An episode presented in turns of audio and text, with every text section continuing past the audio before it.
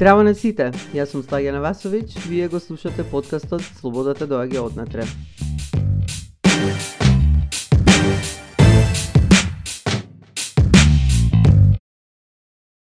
Се надевам дека ова ќе биде мотивирачки и пријатен разговор со една храбра и слободоумна личност.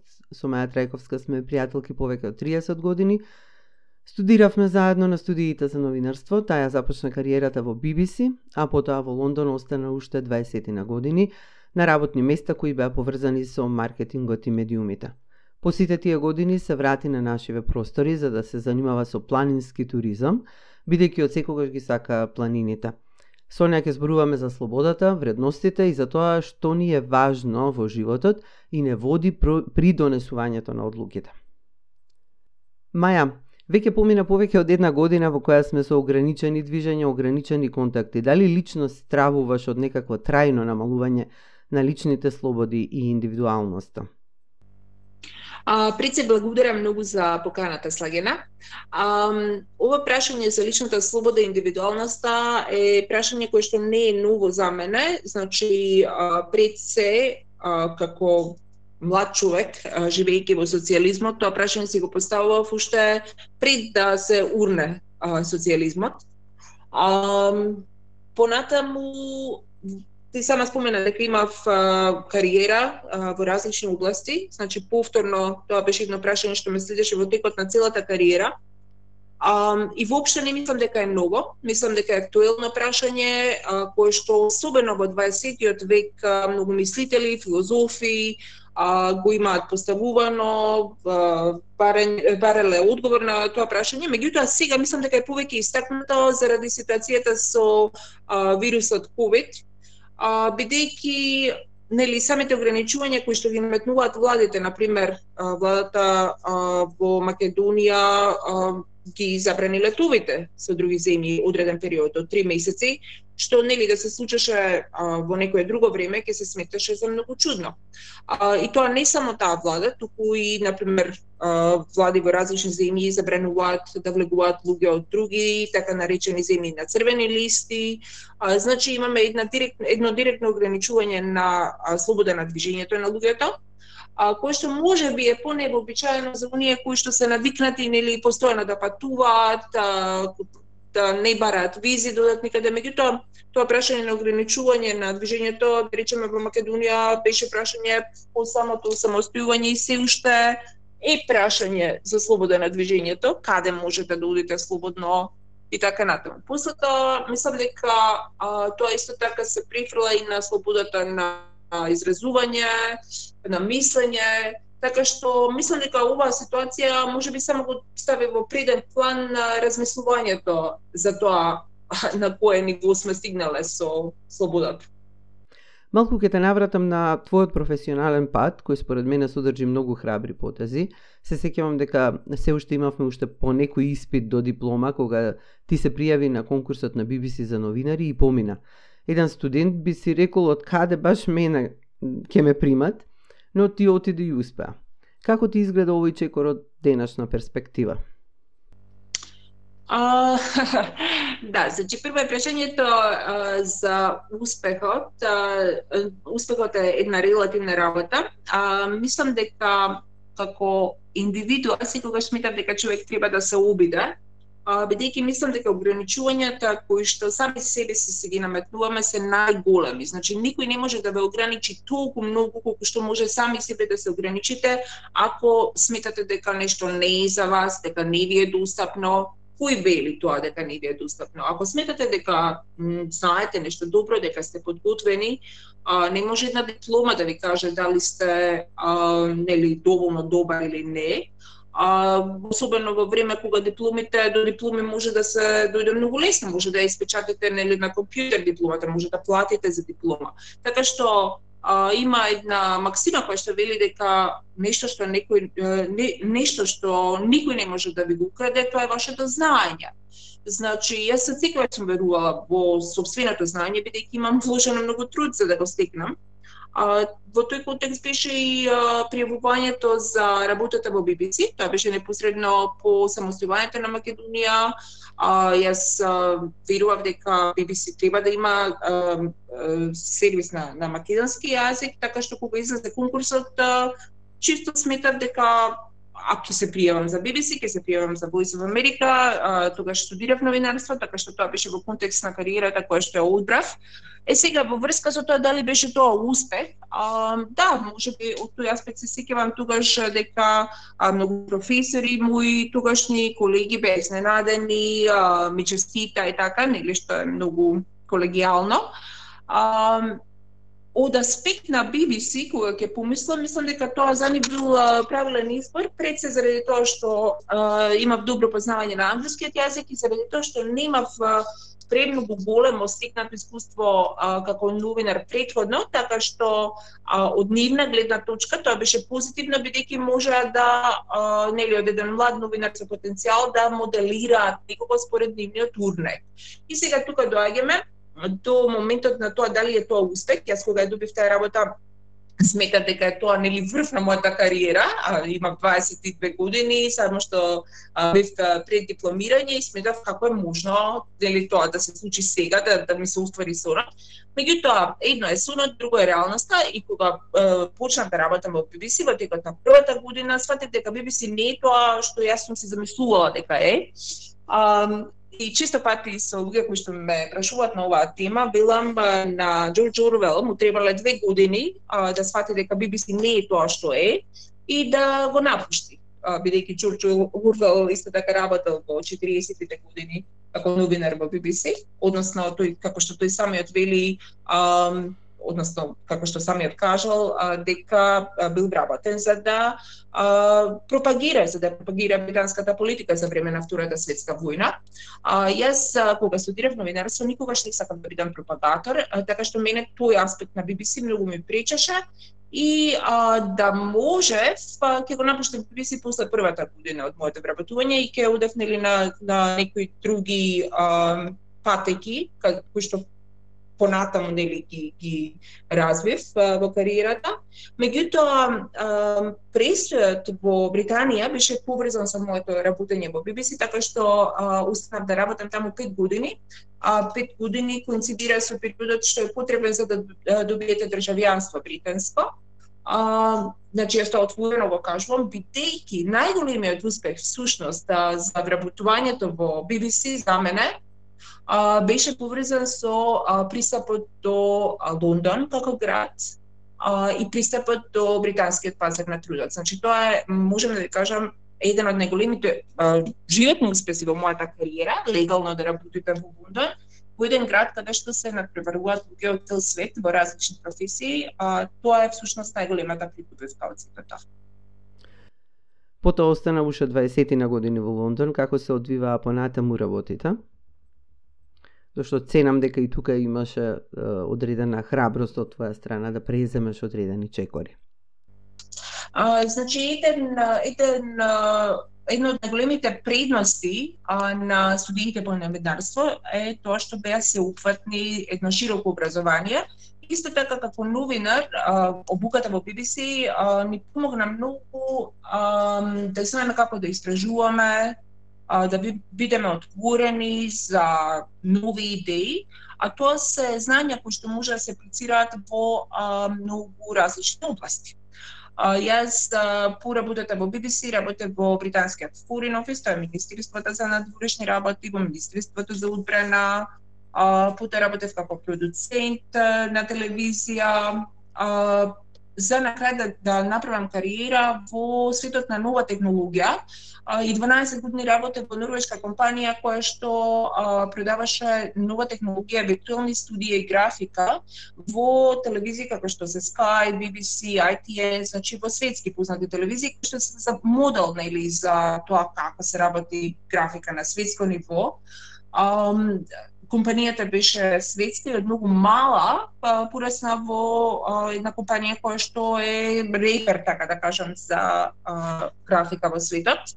И тоа беше многу интересно искуство од бизнис аспект, бидејќи често пати знаете кога работите во а, така наречена државна служба како што е BBC, а, јас пред работам во BBC работев во мисијата на Обединетите нации во Македонија, значи работев за големи организации и одеднаш од една голема организација се препали во една мала фирма која што практично да, тимот со кој што работев во Лондон ја стави на светската мапа.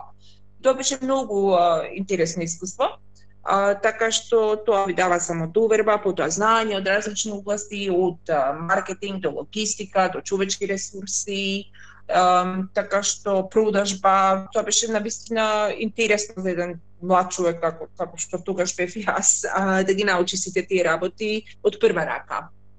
Но тоа што е особено интересно и што во одреден момент и тоа тогаш кога стасе до висока позиција во последната компанија, едноставно го напушти тоа работно место и реши да се занимаваш со планински туризам, што подразбираше и да се вратиш на нашиве простори. Знам колку сакаш планини, но верувам дека во овој бизнис те чекаше и многу неизвестност.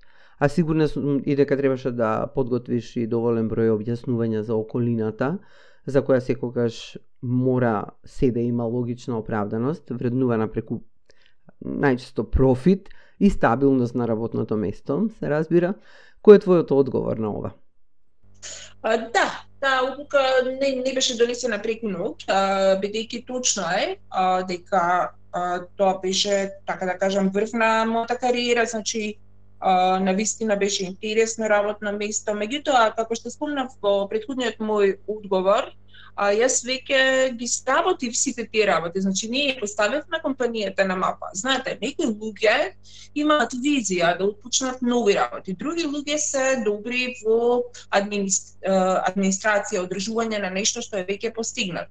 А, јас на, на, во своите 40 години а, човек веќе сваќа нели кои му се предности што што е тоа што повеќе го интересира. Бидејќи кога ќе достигнете едно ниво, а, самото одржување на тоа ниво, чисто заради тоа што имате добра плата или заради тоа што би носи некој статус, јас тоа да го сакав, ќе останем во BBC, разбирате. Значи, да. јас немав потреба да бидам некаде само за да заработувам многу пари или за да а, имам некаква титула. Тоа мене никогаш не ме интересирало само по себе.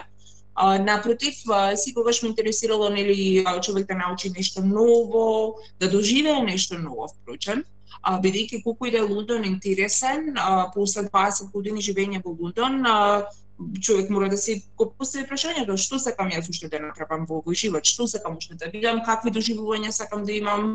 А, така што а, одењето во правец на, на планински туризам не е случајно, бидејќи е поврзано со мојот интерес а, за планините, и тоа не само балканските планини или планините во Македонија, туку воопшто, а јас сметам дека планинскиот туризам е еден од најексклузивните типови на туризам.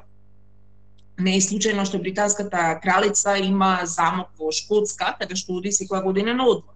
Значи, таа не оди на плажа во Грција на одмор или во Шпанија, туку оди во замокот во Шкотска, каде што се занимава со лов, со риболов, со планинарење и така натаму пак ќе речам, за мене тоа е еден нај, најексклузивен вид на туризам и тоа е она што мене ме интересираше во комбинација со промоција на а, балканските земји, значи Балканот јас го гледам нели а, како а, полуостров, а не како геополитички термин, а, како полуостров кој што почнува од Трст и оди се до Истанбул, така што тоа е навистина еден предел од, од аспект на планинарење кој што е многу интересен.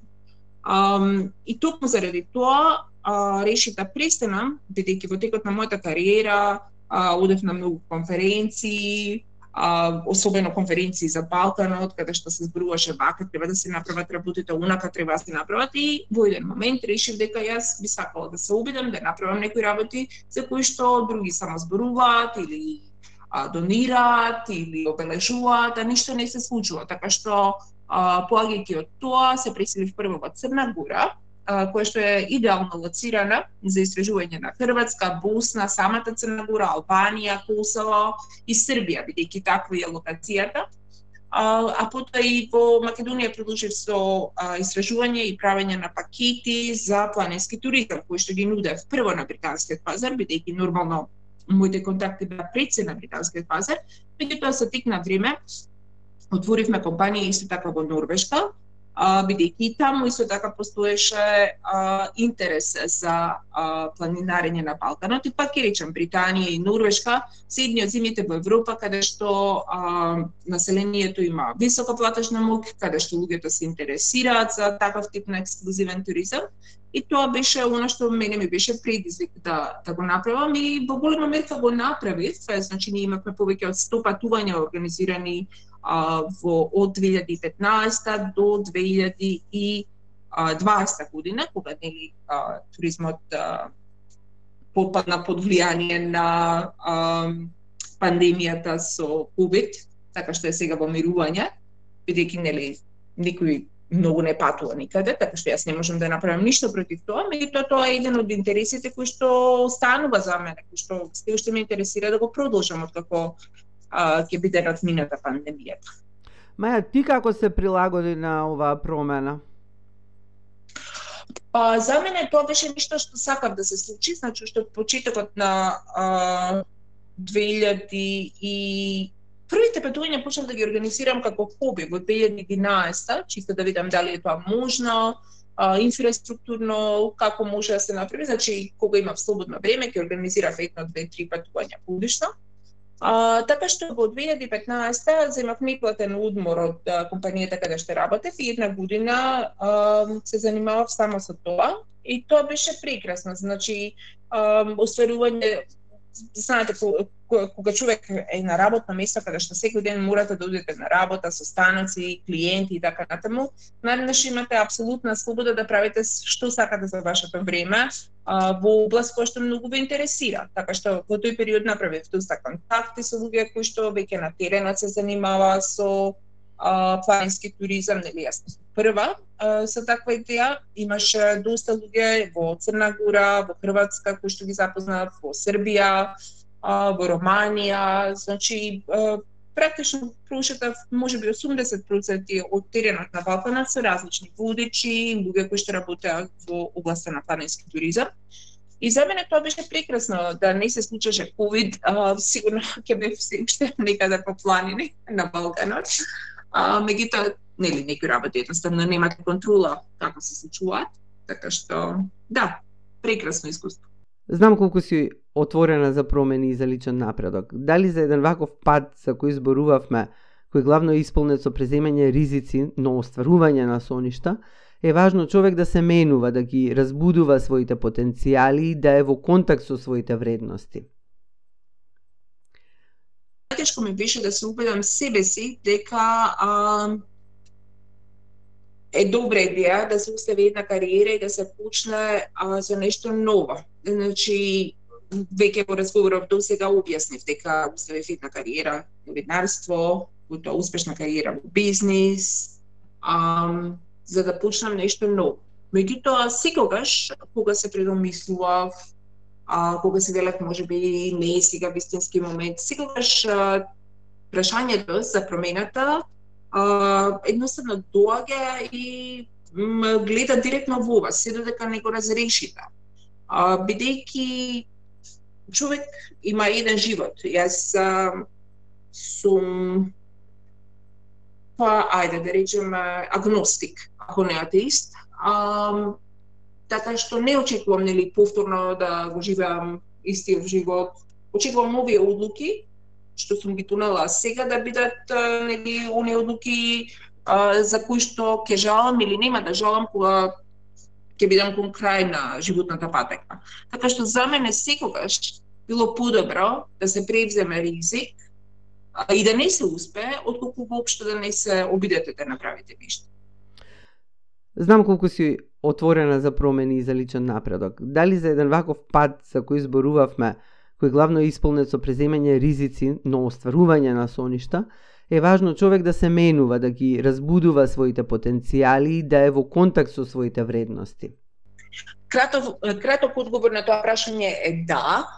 А, подолго одговора дека а, превземањето на вакви чекори, значи себе испитување, градење на самиот себе, читање на литература, консултација со а, луѓе кои што се нели психолози, советници кои што веќе имаат искуство, кои што тргнале по тој пат, одење на семинари, а, разговори со други луѓе кои што го прават истото. Тоа се трендови а, кои што се многу присутни уште пред 15-20 години. А, во Британија се повеќе гледам дека и на Балканот се случуваат.